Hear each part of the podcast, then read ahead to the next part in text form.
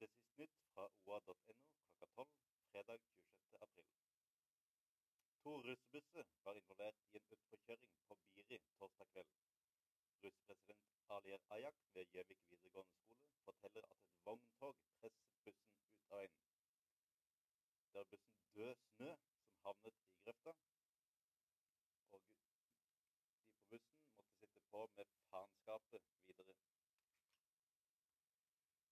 FPU i Innlandet sier ja til å prøve ut bordellvirksomhet i Norge. De ser til Australia og Nevada, der bordell er lovlig, og mener Norge kan hente inspirasjon derfra. KrF-politiker Hilde Ekeberg fra Lillehammer er blant som er rammet av SAS-streiken i dag.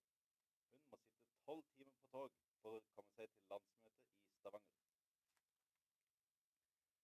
En utvist mann reiste tilbake til Valdres for å besøke datteren sin.